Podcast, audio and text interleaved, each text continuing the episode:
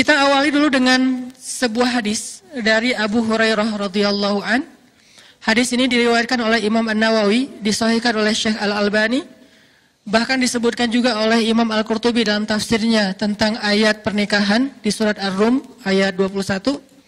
Nabi SAW bersabda, khairun nisa, perempuan yang paling baik atau istri yang paling soleha, karena an-nisa dalam bahasa uh, hadis kadang berarti perempuan secara umum, kadang berarti istri. Tergantung konteks hadisnya. Maka di dalam hadis ini an-nisa yang dimaksud di sini adalah istri.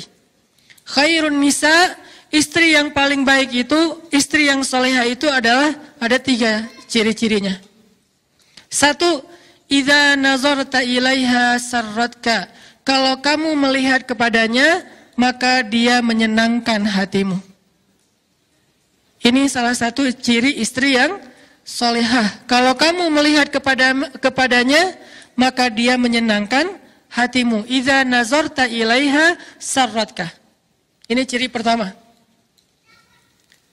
Kalau ciri-ciri perempuan yang soleha nanti di hadis yang lain banyak secara umum ya. Nanti perempuan yang berhijab, bahkan di Al-Quran banyak perempuan yang beriman, perempuan yang mengingat Allah, perempuan yang berpuasa, perempuan yang uh, selalu taat kepada Allah. Banyak sekali ciri-cirinya. Tapi kalau dalam konteks hadis ini khusus buat istri. Jadi kita kayak lagi belajar menjadi seorang istri soleha dari siapa? Dari Sayyidah Aisyah radhiyallahu anha. Dari Aisyah yang luar biasa, yang inspiring banget. Yang buat saya tuh keren banget dan dia tawazun, punya uh, apa? keseimbangan dalam segala hal, perfect dalam segala urusan, bukan hanya masalah ahli ibadah dan kita tahu gimana ahli ibadahnya Aisyah, bukan hanya dalam masalah jawad, karim, suka ber, apa, menginfakkan hartanya, kita juga tahu gimana Aisyah sekali menginfakkan hartanya itu seribu dirham. Itu ratusan juta loh kalau dikonvert ke rupiah. Sekali sedekah itu seribu dirham.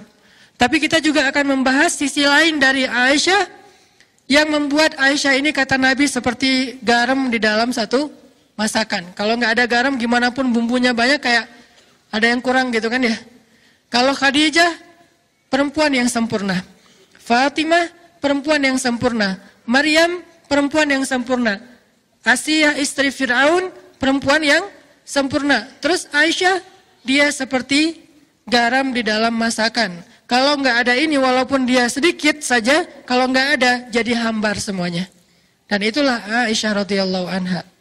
Sehingga ketika kita belajar dari Aisyah, kita belajar unsur garamnya. Bukan pecinnya ya. Tapi ga, garam. Kalau pecin kadang gurih tapi nggak sehat. Kalau garam gurih dan menyehat, menyehatkan. Oke, materi sudah diposting di IG Soft Muslimah buat nanti teman-teman yang mau mengakses bisa sekarang bisa nanti setelah acara ini. Kata Nabi, khairun nisa sebaik-baik perempuan atau sebaik-baik istri itu adalah idza nazarta ilaiha sarratka. Kalau kamu melihat ke arahnya, maka dia menyenangkan hatimu. Itu yang pertama. Yang kedua, Iza amartaha atau adka. Kalau kamu meminta dia sesuatu atau kamu menyuruhnya melakukan sesuatu, maka dia taat kepadamu. Itu uh, ciri yang kedua. Kamu di sini siapa, ibu-ibu? Suami. Jadi kalau suami meminta sesuatu kepada istrinya, menyuruh sesuatu kepada istrinya, atau adka, dia taat kepada suaminya. Itulah istri yang solehah. Dan yang ketiga, Iza ghibta anha hafizatka fi amwalika wa ahlik. Kalau engkau meninggalkannya, kerja, dinas, kayak gitu-gitu, maka dia akan menjaga kehormatanmu dan hartamu dengan amanah. Menjaga kehormatanmu dan hartamu dengan amanah. Yang ketiga ini saya coba uh, buka sedikit karena ini nggak akan dibahas panjang. Menjaga kehormatan di sini artinya apa ibu-ibu? Menjaga kehormatan salah satunya adalah tidak membuka aurat keluarga kepada publik. Apa aurat keluarga? Aurat keluarga itu bukan hanya tubuh. Itu kalau aurat fisik, aurat diri kita, aurat pribadi. Aurat keluarga, masalah keluarga. Jadi menjaga kehormatan suami artinya kita nggak boleh curhat di sosmed. Itu arti menjaga kehormatan suami. Tidak curhat di sosmed. Baik dengan instastory ataupun dengan postingan feed. Baik dengan bikin vlog di Youtube ataupun tulisan panjang yang di scroll nggak selesai-selesai di FB. Atau bahkan sekedar status saja update status di, di WhatsApp kita atau di Telegram misalnya. Apalagi kalau di Telegram kadang-kadang kita kayak bisa bikin emoticon sendiri gitu kan. Terus emoticonnya tuh kayak cry gitu, kayak lagi nangis gerung-gerung. Atau jungkir balik, apa kayak guling-guling kayak gitu. Terus kita kayak share gitu, ini lah ada emoticon baru tapi wajah-wajah kita lagi nangis. Seolah-olah kita pengen semua orang tahu saya tuh lagi sedih. Saya lagi ada masalah di keluarga, saya lagi ada kayak gini, terus kita kayak curhat gitu uh, untuk menunjukkan bahwa pasangan kita, keluarga kita itu kayak nyakitin kita. Ini namanya membuka aurat keluarga dan ini artinya kita tidak menjaga kehormatan pasangan kita. Kalau itu yang kita lakukan, bukan soal soleh atau tidak, soal Allah mau membantu kita atau enggak, enggak dalam masalah kita. Begitu kita membuka di, di ruang publik, maka Allah udah langsung, kalau bahasa sosmednya Allah langsung unfollow. Allah tuh nggak suka banget dengan postingan kayak gituan. Sama kayak kita kalau ada postingan hoax, kalau ada postingan yang terlalu vulgar, kalau ada postingan yang kayaknya nggak nyaman gitu kan kita unfollow ya.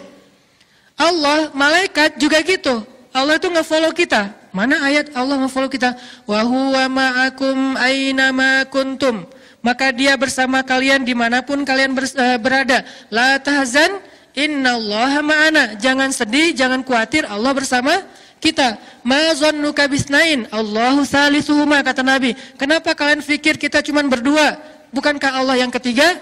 Allah itu ngikutin kita, Allah itu membersamai kita kalau bahasa resminya. Tapi begitu kita posting sesuatu yang sifatnya aurat keluarga di ruang publik, maka Allah langsung unfollow. Bentuk unfollow-nya kalau yang paling ekstrim di surat At-Taubah bara'atum minallah. Allah angkat tangan. Gak mau lagi terlibat.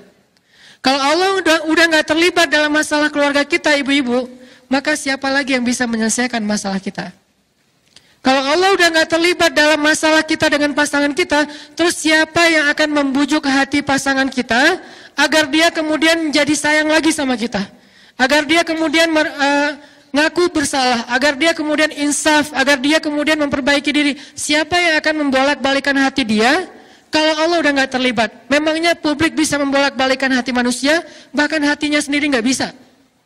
Karena hati manusia ada di antara jemarinya Allah. Allah lah yang membolak-balikan hati itu. Yukallib zatal yamin wa zatal shimal itu Allah yang melakukan. Sehingga kalau Allah udah angkat tangan, udah nggak ada lagi yang akan menolong kita dalam masalah keluarga kita. Jadi kita ingin ditolong oleh followers, oleh netizen, oleh publik, atau ingin ditolong oleh Allah Subhanahu wa taala. Kalau ingin ditolong oleh Allah, maka kalimat terakhir tadi adalah idza ghibta anha hafizatka fi amwalika wa ahlika kalau kamu tidak bersama dengan dia, dia menjaga kamu. Salah satu adalah menjaga kehormat, kehormatan. Nanti ibu-ibu boleh, ini hanya kasih clue aja.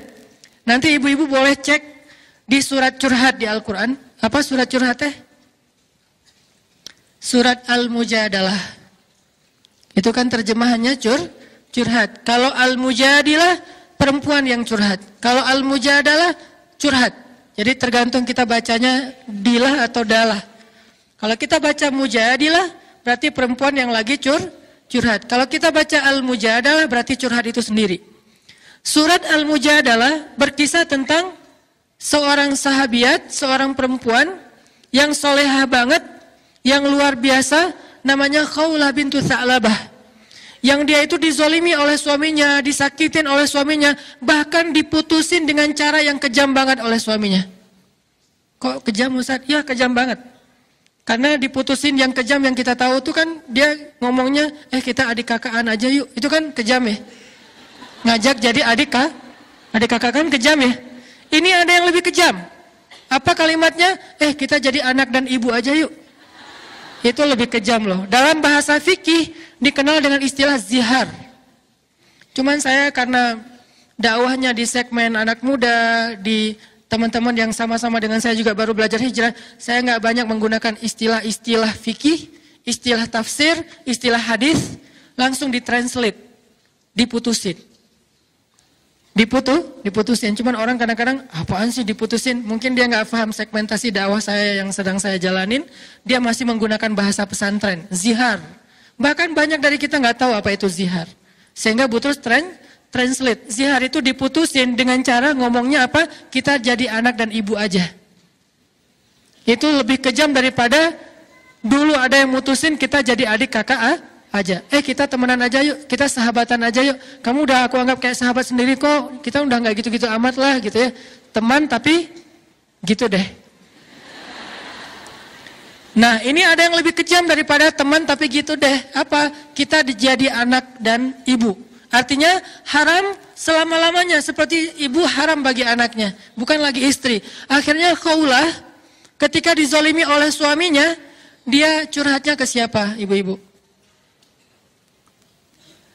curhat kepada Allah tapi minta fatwa kepada Nabi. Nanti coba baca pembukaan dari surat Al-Mujadalah. Kalau bisa satu halaman tapi fokus ke ayat pertamanya dulu bahwa kalimatnya tujadiluka fi zaujiha wa tashtaki ilallah. Dia meminta pendapatmu tentang kata-kata suaminya tapi dia curhatnya tashtaki curhat ke Allah. Jadi dia tidak curhat kepada Nabi. Dia hanya meminta nasihat dari Nabi tentang kata-kata suaminya, kira-kira menjatuhkan talak apa tidak. Kalau bahasa sekarang tuh istifta, meminta fatwa kepada ustadz. Ustadz, suami saya bilang gini, kamu buat saya itu seperti ibu, kira-kira itu jatuh talak nggak ustadz? Cuman segitu doang. Tapi urusan suami saya itu emang orangnya temperamen, suami saya itu nggak bisa jaga lisan, suami saya itu zolim, itu nggak disebutkan ke Nabi. Dia menyebutkan itu kepada siapa? Watashtaki ilallah. Dia menyebutkan itu kepada Allah saja. Akhirnya apa yang terjadi ibu-ibu? Ketika khawlah curhatnya kepada Allah, akhirnya Allah yang ngebelain khawlah. Bukan Nabi, bukan sahabat, bukan manusia, bukan siapa pun. Bahkan Nabi tidak membela khawlah awalnya, karena Nabi tidak faham. Sehingga ketika Khawlah nanya kepada Nabi, apa hukumnya kata-kata suami saya ya Rasulullah? Nabi mengatakan itu sudah jatuh talak zihar selama-lamanya wahai Khawlah. Khawlah nggak terima, dia kayak ngerasa nggak rela gitu berpisah dengan suaminya karena dia sayang sama suaminya. Gimana pun dizolemin, inilah perempuan. Kadang-kadang dia uh, sakit hati, tergores, tapi di balik semua itu cintanya tuh kadang luar biasa ya, lebih daripada laki-laki. Walaupun dia mungkin sedikit gampang tergores, tapi kalau udah sampai ke hal-hal yang sifatnya sakral, dia lebih uh, tahan banting dibandingkan laki-laki laki-laki laki-laki dengan mudahnya mengeluarkan kata talak apa segala macam. Pada akhirnya perempuan yang akhirnya minta kalau mudah kalau bisa ini nggak jatuh talak Ustadz gimana? Suami saya ngomong kayak gini. Yang akhirnya mencari solusi ce, cewek ibu-ibu istri. Sehingga ketika Nabi bilang itu sudah jatuh talak kaulah kayak ngerasa sedih dan nggak rela gitu. Masa ya Rasul? Ya wahai kaulah. Nggak bisa balikan lagi? Nggak bisa wahai kaulah. Artinya apa? Nabi aja nggak bisa ngebelain kaulah padahal Nabi kurang apa coba Nggak ada lagi manusia yang lebih baik daripada Rasul. Tapi nggak bisa ngebela khaulah. Kenapa? Karena manusia. Tapi khaulah curhatnya kepada Robnya manusia, kepada pemilik hati, kepada yang maha tahu segala sesuatu. Watashtaki ilallah ilahi Rabbi ashku bathi wa huzni. Aku adukan rasa sedih dan kecewaku hanya kepada engkau. Bukan kepada Instagram, bukan kepada Snapgram, bukan kepada YouTube, bukan kepada para subscribers, bukan kepada FB friends, bukan kepada siapa pun, bahkan bukan kepada geng di grup WA saya ya Allah. Saya nggak posting apa-apa, geng aja nggak tahu masalah saya. Kayaknya mereka ngelihat rumah tangga saya asik-asik aja, biasa-biasa aja. Sampai geng kita banget, yang nggak ada yang orang lain yang tahu apa yang kita bicarain di dalam grup. Mereka nggak tahu. Gitu banget kaulah teh. Sampai ibunya aja nggak tahu masalah kaulah. Sampai teman dekatnya aja nggak tahu. Teman dekat kan bahasa kita geng ya. Gengnya aja nggak nggak tahu. Yang tahu cuman Allah kemudian Nabi. Curhat ke Allah ya Allah. Ashku bathi wa huzni ilaik. Aku adukan kekecewaanku dan kesedihanku hanya kepada engkau. Aku kecewa ya Allah. Aku sedih ya Allah. Aku nggak terima diginiin ya Allah. Akhirnya Allah yang membela Khawlah dengan menurunkan satu halaman penuh dari surat Al-Mujadalah bentuknya adalah pembelaan kepada Khawlah. Suaminya dimarahin sama Allah di ayat itu. Disuruh bertaubat oleh Allah di ayat itu. Dikasih beberapa hukuman syariat. Dia harus berpuasa atau memberikan makan kepada fakir miskin dan seterusnya dan seterusnya sebagai hukuman terhadap kata-katanya yang mutusin istrinya dengan bahasa kita jadi anak dan ibu aja. Ini artinya apa? Kalau kita menjaga Allah, Allah jaga kita. Bentuk menjaga Allah dalam urusan rumah tangga, jaga kehormatan rumah tangga kita yang Allah perintahkan, hafizatka fi amwalika wa ahlika, nanti Allah yang akan menjaga hati kita, menjaga perasaan kita, menjaga rumah tangga kita. Allah yang akan terlibat. Ini poin yang ketiga ya, walaupun bukan akan kita bahas panjang. Inilah tiga ciri istri solehah yang disampaikan oleh Nabi dalam hadis riwayat An-Nasai. Satu, Iza nazarta ilaiha sarratka. Kedua, Iza amartaha atau adka. Ketiga, Iza ghibta anha hafizatka fi, ahwa, fi amwalika wa ahlika. Yang akan kita bahas yang mana ibu-ibu? Dari tiga ciri itu. Yang pertama, karena hubungannya dengan dandan. Iza nazarta ilaiha sarratka. Kalau kamu ngelihat ke dia, maka dia menyenangkan hatimu. Kalau bahasa saya, kalau dilihatin tuh nyenengin. Gak bisa lepas juga ya dari capruk bahasa santai lah ya, nggak apa-apa ya. Nggak terlalu resmi nggak apa-apa. Kalau dilihat nyenengin. Ini cewek luar biasa nih, ngelihat dianya aja betah.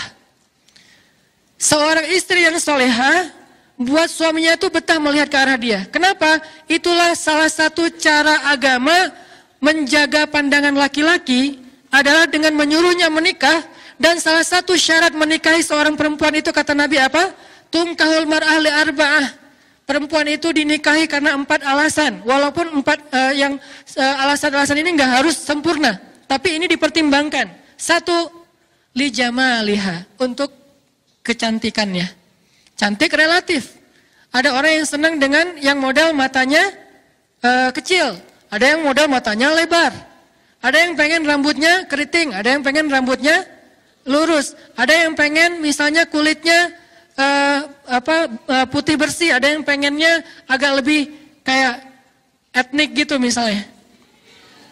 Ada yang pengen uh, misalnya yang kurus, ada yang pengen dia nggak kurus-kurus amat karena kalau terlalu kurus dia kayak nggak apaan sih gitu-gitu amat. Dia pengennya yang biasa-biasa aja misalnya. Kan itu relatif ya. Karena relatif Nabi nggak mengatakan spek Jamal itu apa. Spek dari cantik itu apa enggak? Hanya disebutkan karena kecantikannya. Bahkan walaupun ini bukan yang paling penting disebut di awal tetap.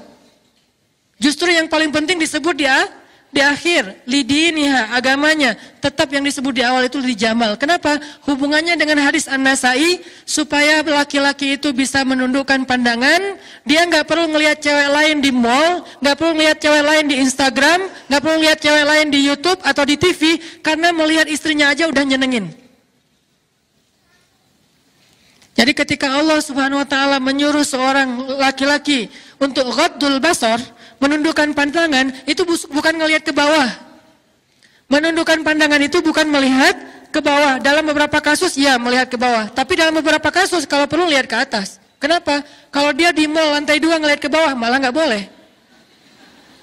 Pak, kenapa sih kok di di situ aja berdirinya?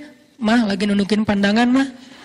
Kan nggak kayak terus di bawah kayak lagi ada event gitu, terus banyak para dancer-dancer gitu kan. Kayak lagi malam mingguan kan suka ada kayak live musik atau apa, terus dia kayak nundukin pandangan dari atas gitu. Lagi ngapain pak? Lagi khotul basor. Kan nggak bisa. Jadi terjemah menundukkan pandangan bukan melihat ke bawah, menjaga pandangan.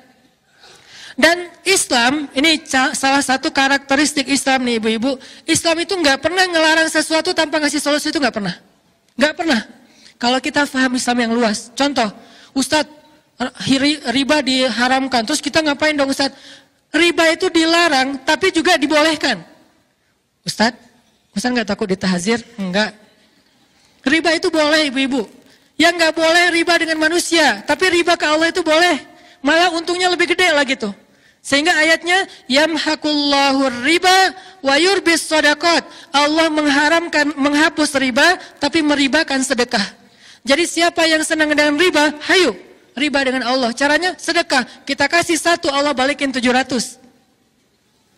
Jadi siapa yang senang memperbanyak hartanya dengan cara sistem riba, boleh banget tapi coba ribalah ke Allah. Sedekah yang banyak nanti Allah balikin berlipat-lipat kali. Bukan satu persen, bukan tiga persen, bukan lima persen seperti deposito versi kita, bahkan tujuh ratus kali lipat. Kalau senang riba, ribalah dengan Allah. Jadi Allah nggak melarang tanpa ngasih solusi. Ustaz nggak boleh minum khamar. Boleh. Siapa bilang nggak boleh minum khamar? Yang nggak boleh minum khamar itu di dunia. Di surga banyak khamar. Bahkan khamarnya jadi sungai yang lagi di surga. Tapi bedanya sungai khamar di surga tidak memabukkan dan tidak menghilangkan akal sehingga tetap terhormat walaupun minumnya sebanyak mungkin yang dia mau. Jadi khamar tidak dilarang kecuali di dunia saja. Di surga Allah sediakan khamar yang lebih baik daripada yang ada di dunia. Semua jenis khamar di dunia dengan berbagai macam brand yang kadang-kadang satu gelasnya aja harganya jutaan. Sabar, nanti kita akan minum yang satu gelas harganya lebih dari satu miliar di surga. Allah tidak melarang sesuatu tanpa ngasih solusi. Pacaran gak boleh, boleh, tapi akad dulu baru pacaran. Siapa bilang pacaran gak boleh? Bukankah ayat pacaran di Al-Quran itu surat Ar-Rum ayat 21? Allah menjadikan di antara kalian, wahai pasangan yang halal, mawaddatan warahmah. Apa arti mawaddah warahmah? Kasih dan sayang. Berkasih, sayang. Berkasih, sayang, bahasa anak main pacaran.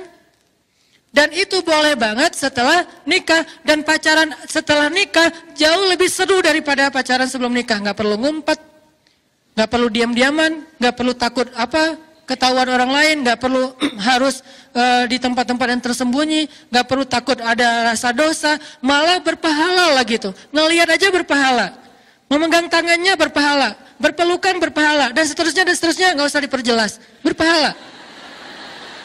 Ini pacaran setelah nikah, jadi nggak ada dalam Islam larangan tanpa solusi. Gitu juga hal yang lain termasuk menundukkan pandangan. Wahai katakan kepada laki-laki yang beriman agar mereka menundukkan pandangan. Terus solusinya apa Ustaz kalau nggak boleh ngelihat yang yang keren-keren ciptaan Allah yang indah? Lihatlah ciptaan Allah yang ada di rumahmu, yang itu juga nggak kalah indah. Lijama liha. Dipilih karena keindahan sesuai selera. Apa yang engkau lihat dari seorang istrimu? Sehingga ketika ada seorang laki-laki muhajirin mau menikahi seorang perempuan ansar di zaman Nabi, terus Nabi nanya, datang ke Nabi dia ngomong gini, ya Rasul, saya pengen nikah gitu. Pengen update status. 2019 ganti status. Gitu. Saya pengen 2019 ganti status. Oh, bagus bagus kata Nabi. E, dengan siapa? Dengan perempuan Ansor. Nabi nanya apa ibu-ibu? Apakah kamu sudah melihat dia? Enggak ya Rasul, kan saya orangnya kayak soleh gitu kan, enggak ngelihat gitu kan, enggak ada. Bahkan ta'aruf aja enggak, kayak dijodohin aja. Kamu mau enggak nikah sama anak saya? Insya Allah dia amanah, soleha. Oh mau, Ternyata modal soleh juga tetap diperbaiki sama Nabi, nggak cukup kayak gitu doang. Mentang-mentang kamu sama-sama soleh soleha, terus nggak saling ngelihat, nggak kata Nabi, lihatlah mereka, lihatlah dia. Akhirnya kata laki-laki ini, saya pun mencuri-curi pandang untuk melihatnya. Mencuri-curi pandang, bahasa sosmednya stalking. Bahasa sosmednya stal, stalking. Saya pun cari-cari tahu tentang dia. Oh ini orangnya tapi kalau stalking yang lebih baik itu jangan di sosmed karena itu hasil editan. Wah ternyata bener ya, soleha cantik lagi tuh pas ketemunya. Di mana ya orangnya? Saya. Loh kok agak-agak beda ya. Ini gara-gara apa? Hasil editan. Di sosmed itu ngeditnya sampai tiga kali loh. Editan pertama touch up pakai foundation, terus kayak pakai blush on gitu, apa segala macam, bibirnya pakai lipstick yang matte, apa, udah editan pertama. Kok usah tahu, kan judulnya juga dandan. Itu demi menguasai materi ya. Enggak, istri saya pakai soalnya. Buat suaminya insya Allah. C. Terus yang kedua, apa? Editan yang kedua teh pakai kamera kamera depan.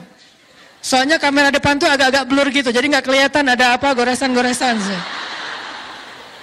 Yang ketiga, editan pakai aplikasi gratisan. Wah, semalaman ngedit. Ini gimana caranya biar apa matanya agak dilebarin dikit nih. Alisnya ditambahin. Terus jadi kayak nggak simetris gitu, agak-agak miring. Repot semalaman baru besok pagi post posting berharap dapat banyak like. Itulah kalau kita stalkingnya di IG. Kalau pengen stalking, stalking langsung datang ke rumahnya. Pak, saya pengen, ketemu sama si Neng. Seneng yang mana gitu. Calon saya, oh ya ditampingin sama bapaknya, ditemenin. Duduk aja bertiga gitu, atau berempat, atau berlima, atau sekampung, gak masalah. Duduk, lihat langsung. Dan perempuan yang bercadar pun dalam konteks uh, ta'aruf kayak gini, sebagian ulama mengatakan boleh membuka cadar hanya untuk calon pasangannya. Sampai dibolehkan membuka cadar bagi perempuan yang bercadar khusus untuk calon pasangannya. Di riwayat yang lain mengatakan nggak perlu lihat wajahnya, cukup lihat matanya dan tangannya saja. Yang jelas lihat. Kenapa? Lijama lihat. Kadang ada selera menurut temennya cantik, menurut dia kok saya biasa aja ya. Kalau gitu jangan paksain. Kenapa? Karena dia nggak akan jadi solusi kamu dalam menundukkan pandangan. Seorang istri harusnya idza nazarta ilaiha saratka. Kalau dilihatin suami itu nyenengin suami banget. Sehingga dia males banget nonton film apa kayak drakor segala macam. Udah ada drakor di rumahnya. Gak perlu nonton K-pop, udah ada K-pop di rumahnya. Gak perlu nonton apa misalnya lagu-lagu barat segala macam udah ada itu di rumah. Gak perlu nonton model-model yang seksi karena udah ada di rumah di rumahnya. Siapa bilang gak boleh beli pakaian seksi di mall? Ibu-ibu kalau jalan ke Arab Saudi, saya pernah nggak sengaja, bukan saya stalking ya. Nggak sengaja nih lagi jalan di Mall Saudi, kan di Saudi cewek-cewek rata-rata bercadar ya. Cewek bercadar tapi belinya maaf, pakaian-pakaian yang kayak orang di pantai kayak gitu, pakaian-pakaian yang mungkin sebutlah kalau bahasa perempuan mungkin kayak lingerie gitu belinya, tapi bercadar. Pertanyaan saya, bercadar, lingerie itu pakainya gimana ya? Ternyata lama-lama saya menjadi paham, oh itu saking solehannya nih perempuan. Di luar dia tidak mau tabarruj. Tabarruj itu bukan larangan berdandan ibu-ibu. Tabarruj itu larangan berdandan untuk yang bukan muhrim. Harus diperjelas, bukan berdandan titik, bukan. Karena berdandan titik itu masih relatif. Ada sisi positif, ada negatif. Dan dan bisa ibadah, bisa dosa. Kalau dandan yang keluar rumah berlebihan dan membuat fitnah, itu namanya tabarruj. Wala tabarrujna tabarrujal jahiliyatil ula. Tapi kalau dandannya untuk suami, itu namanya tazayyun. Dan tazayyun bagian dari ibadah seorang istri. Nanti kita baca nasihat-nasihat Aisyah tentang itu. Sehingga seorang istri ketika dia membeli pakaian-pakaian yang menyenangkan suaminya, walaupun tidak harus berlebihan, nggak usah terlalu kayak vulgar juga kayak maaf mungkin terlalu kayak bikin dia jadi kayak uh, terlalu caper atau apa. Asal menyenangkan suaminya. Syaratnya apa? Kalau dia belanja bawa suami. Satu biar dibayarin. Sebetulnya nggak harus bawa juga sih nanti kan bisa dirimbas ya. Habis beli pak mau dapat pahala nggak? Pahala apa mah pahala dandan. Caranya rimbas dong semua biayanya gitu. Bisa yang kedua biar suami yang memilih Kayak beli body lotion. Saya kalau beli body lotion istri, saya milih. Alhamdulillah. Istri saya nanya, yang, yang. Ini body lotionnya kan banyak nih, mau yang mana? Kalau aku sih senang yang fruity, saya bilang. Oh fruity, ya udah fruity kan banyak macam-macam. Ya terserah suami, bisa aja fruitynya misalnya rasa durian gitu. Aku sih yang durian aja boleh nggak? Oh boleh, beli aja. Pakai eh rumah kita kenapa ya kayak lagi musim durian? Iya, body lotion gitu. Terserah suami deh. Kenapa? Karena kita ingin menyenangkan, kan niat awalnya itu kan. Idza nazarta ilaiha sarratka. Jadi benar-benar suami itu kayak betah banget di sebelah istri karena body lotionnya juga kayak aroma kesukaan dia banget. Misalnya kayak uh, uh, apa fruitinya tuh strawberry atau mungkin uh, apa kayak gitu gitulah yang saya juga nggak ngerti. Kalau saya tahunya beberapa doang misalnya. Nah itu bisa bikin terus kayak beli parfum. Parfumnya yang kayak gimana? Aku yang seneng yang ada kayak manis-manisnya gitu. Oh ya udah vanilla aja ya, vanilla beli aja vanilla. Jadi kalau kayak pakai baju terus pakai parfum vanilla di sebelah suami, suami kayak merasa kamu harum banget sih. Karena harum itu bukan cuma parfum. Selera parfum kan orang private banget ya. Suami kita yang tahu, dia lebih senangnya apa. Terus kayak pakaian, dia senangnya yang warna apa. Bukan kita senangnya warna apa. Kalau mau beribadah. Kalau kita senangnya warna apa, nggak ada nilai ibadah. Atau mungkin juga nggak dosa, biasa-biasa aja, mubah gitu. Saya senangnya ungu. Dari ujung rambut sampai ujung kaki, uh, ungu. Sampai apa setir mobil ungu, jok mobil ungu, kalau perlu bannya juga uh, ungu. Kenapa? Kayak apa uh, ungu fans banget lah ya pokoknya. Tapi kalau suami kita bilang, aku sih senangnya black on black sih. Soalnya suaminya anak street banget kan gitu ya. Jadi kayak anak jalan banget, jadi senangnya black on black. Ya udah black on black kan soleha banget ya. Semuanya hitam serba hitam gitu sampai akhirnya pakai uh, lipstick juga hitam misalnya.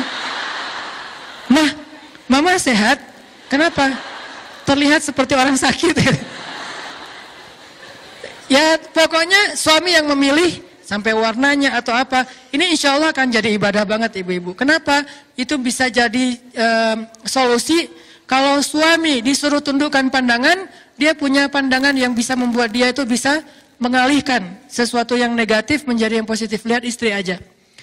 Terus nanti di dalam hadis yang lain, ini kalau kita explore komparasi beberapa hadis, karena metode belajar di Al-Azhar adalah metode komparatif. Kita itu nggak nggak dibolehin banget di Al Azhar itu SOP kampus Al Azhar itu nggak boleh menyimpulkan sesuatu tanpa mengambil beberapa referensi dalil. Jadi nggak boleh satu hadis langsung menyimpulkan fatwa nggak boleh di Al Azhar itu nggak boleh banget. Kita harus banding-bandingkan ayat dengan ayat, ayat dengan hadis, hadis dengan hadis, hadis dengan sahabat, sahabat dengan ulama. Wah, dibandingin semuanya jadilah sebuah produk fikih yang dikenal dengan fatwa atau hukum. Itulah cara belajar di Al-Azhar. Kalau kita bandingkan beberapa hadis yang lain, nanti Nabi juga bersabda, keutamaan memandang istri. Tapi ini materinya buat khutbah Jumat. Seorang suami memandang istri, maka Allah Subhanahu wa taala akan menggugurkan dosanya. Memandang istri aja menggugurkan dosa mereka berdua nih. Istri ketika sering dipandang suami, maka dosanya berguguran, berguguran loh ibu-ibu. Jadi kalau dipandang suami itu jangan dilarang. Pak ngapain sih ngeliat gitu-gitu amat sih? Mikir yang macam-macam ya? Enggak, enggak. Kalau suami ngelihat kita, kita tuh harus kayak, oh alhamdulillah lagi ibadah gratis tanpa harus gerak apa berdiri ruku dan sujud, udah dapat pahala berguguran dosa. Jadi pagi-pagi itu udah aja lewat lalu lalang rempong gitu depan suami. Suami kayak duduk gitu. Sih.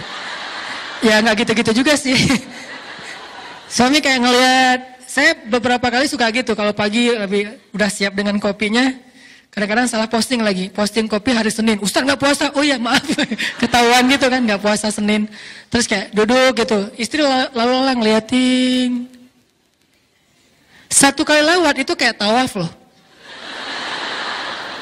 Kebayang nggak kalau sampai berapa puluh kali lewat, itu udah berapa orang kali orang tawaf, ke sana beresin dapur, sana lagi ke kamar anak, balik lagi ke kamar mandi, liatin aja. Terus kesimpulannya apa? Nih suami nggak pekaan ya. Ngeliat istrinya rempong, eh dia malah, mah kan bagi-bagi pahala. Mama berpahala dengan cara rempong. Papa berpahala dengan cara ngelihat orang rempong. Dia ini memandang istri, karena dia seneng aja gitu ngeliat istri aku kayak, kayak gemesin banget sih kamu gitu kan ya. Jadi kayak jadi bahasa kayak itu bisa berarti gemesin, bisa berarti unyu-unyu banget, bisa berarti kayak uh, apa seksi, bisa berarti nyenengin, bisa berarti seru, bisa banyak arti yang jelas nyenengin hati. Sarrotka. Udah diliatin, apa sih ngeliat gitu-gitu amat? Enggak, aku lagi heran, ada ya bidadari yang jalan di bumi. Se ah, salah tingkah gitu, terus kayak Terus dia kayak apa manja gitu duduk di sebelah. Ketika mereka bersentuhan, Allah turunkan kasih sayang Allah di antara mereka. Ketika suaminya memanggil istrinya ke kamar, maaf ya emang hadisnya kayak gitu, maka Allah Subhanahu wa taala makin cinta kepada mereka. Dan setelah itu Nabi nggak membahas secara jelas, tapi kita ngerti lah. Yang jelas semuanya ibadah. Jadi nyambung juga nih hadis ini Kemudian hadis tentang uh, ayat tentang khotul basor, hadis tentang memandang wajah istri itu adalah ibadah. Bahkan Nabi itu suka banget memandang wajah Aisyah lalu memujinya dengan panggilan apa? Humaira. Apa arti Humaira? Sebagian mengatakan yang wajahnya kemerah-merahan, tapi sebagian besar ulama bilang Humaira itu istilah untuk cewek yang putih banget. Jadi nggak dibilang uh, baydo.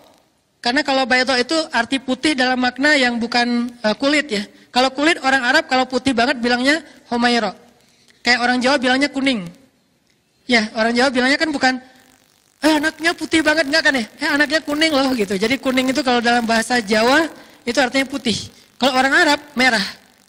Merah itu artinya putih. Kok disebut merah Ustaz? Saking putihnya kalau dia malu, kalau dia salting, kalau dia nervous itu sampai ke merah-merahan saking putihnya. Sehingga disebut dia Humaira. Itu kan wajah kan? Sehingga Nabi kayak mengagumi wajahnya Aisyah yang cantik, mengagumi uh, Aisyah yang uh, apa uh, menjaga penampilan dengan panggilan penghargaan, ya Humaira, wahai perempuan yang putih. Ini artinya sarratka menyenangkan suami ketika dipandang. Dan dan. Nah, kalimat menyenangkan hati ini saya baca juga ya.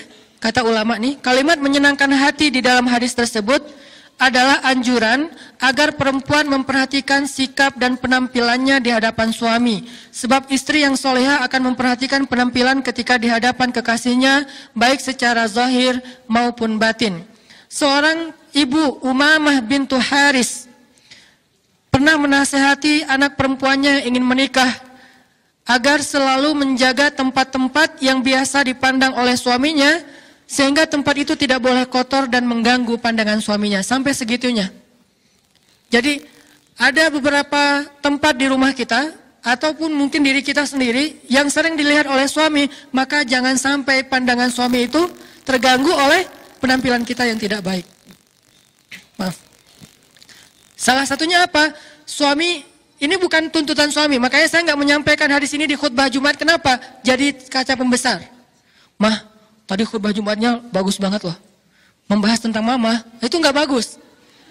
Kenapa? Harusnya khutbah Jumat membahas tentang suami. Kalau kajian perempuan membahas tentang istri, biar sama-sama dapat cer cermin. Dan kajian ini jangan di-share ke suami, biar saya aja yang yang share.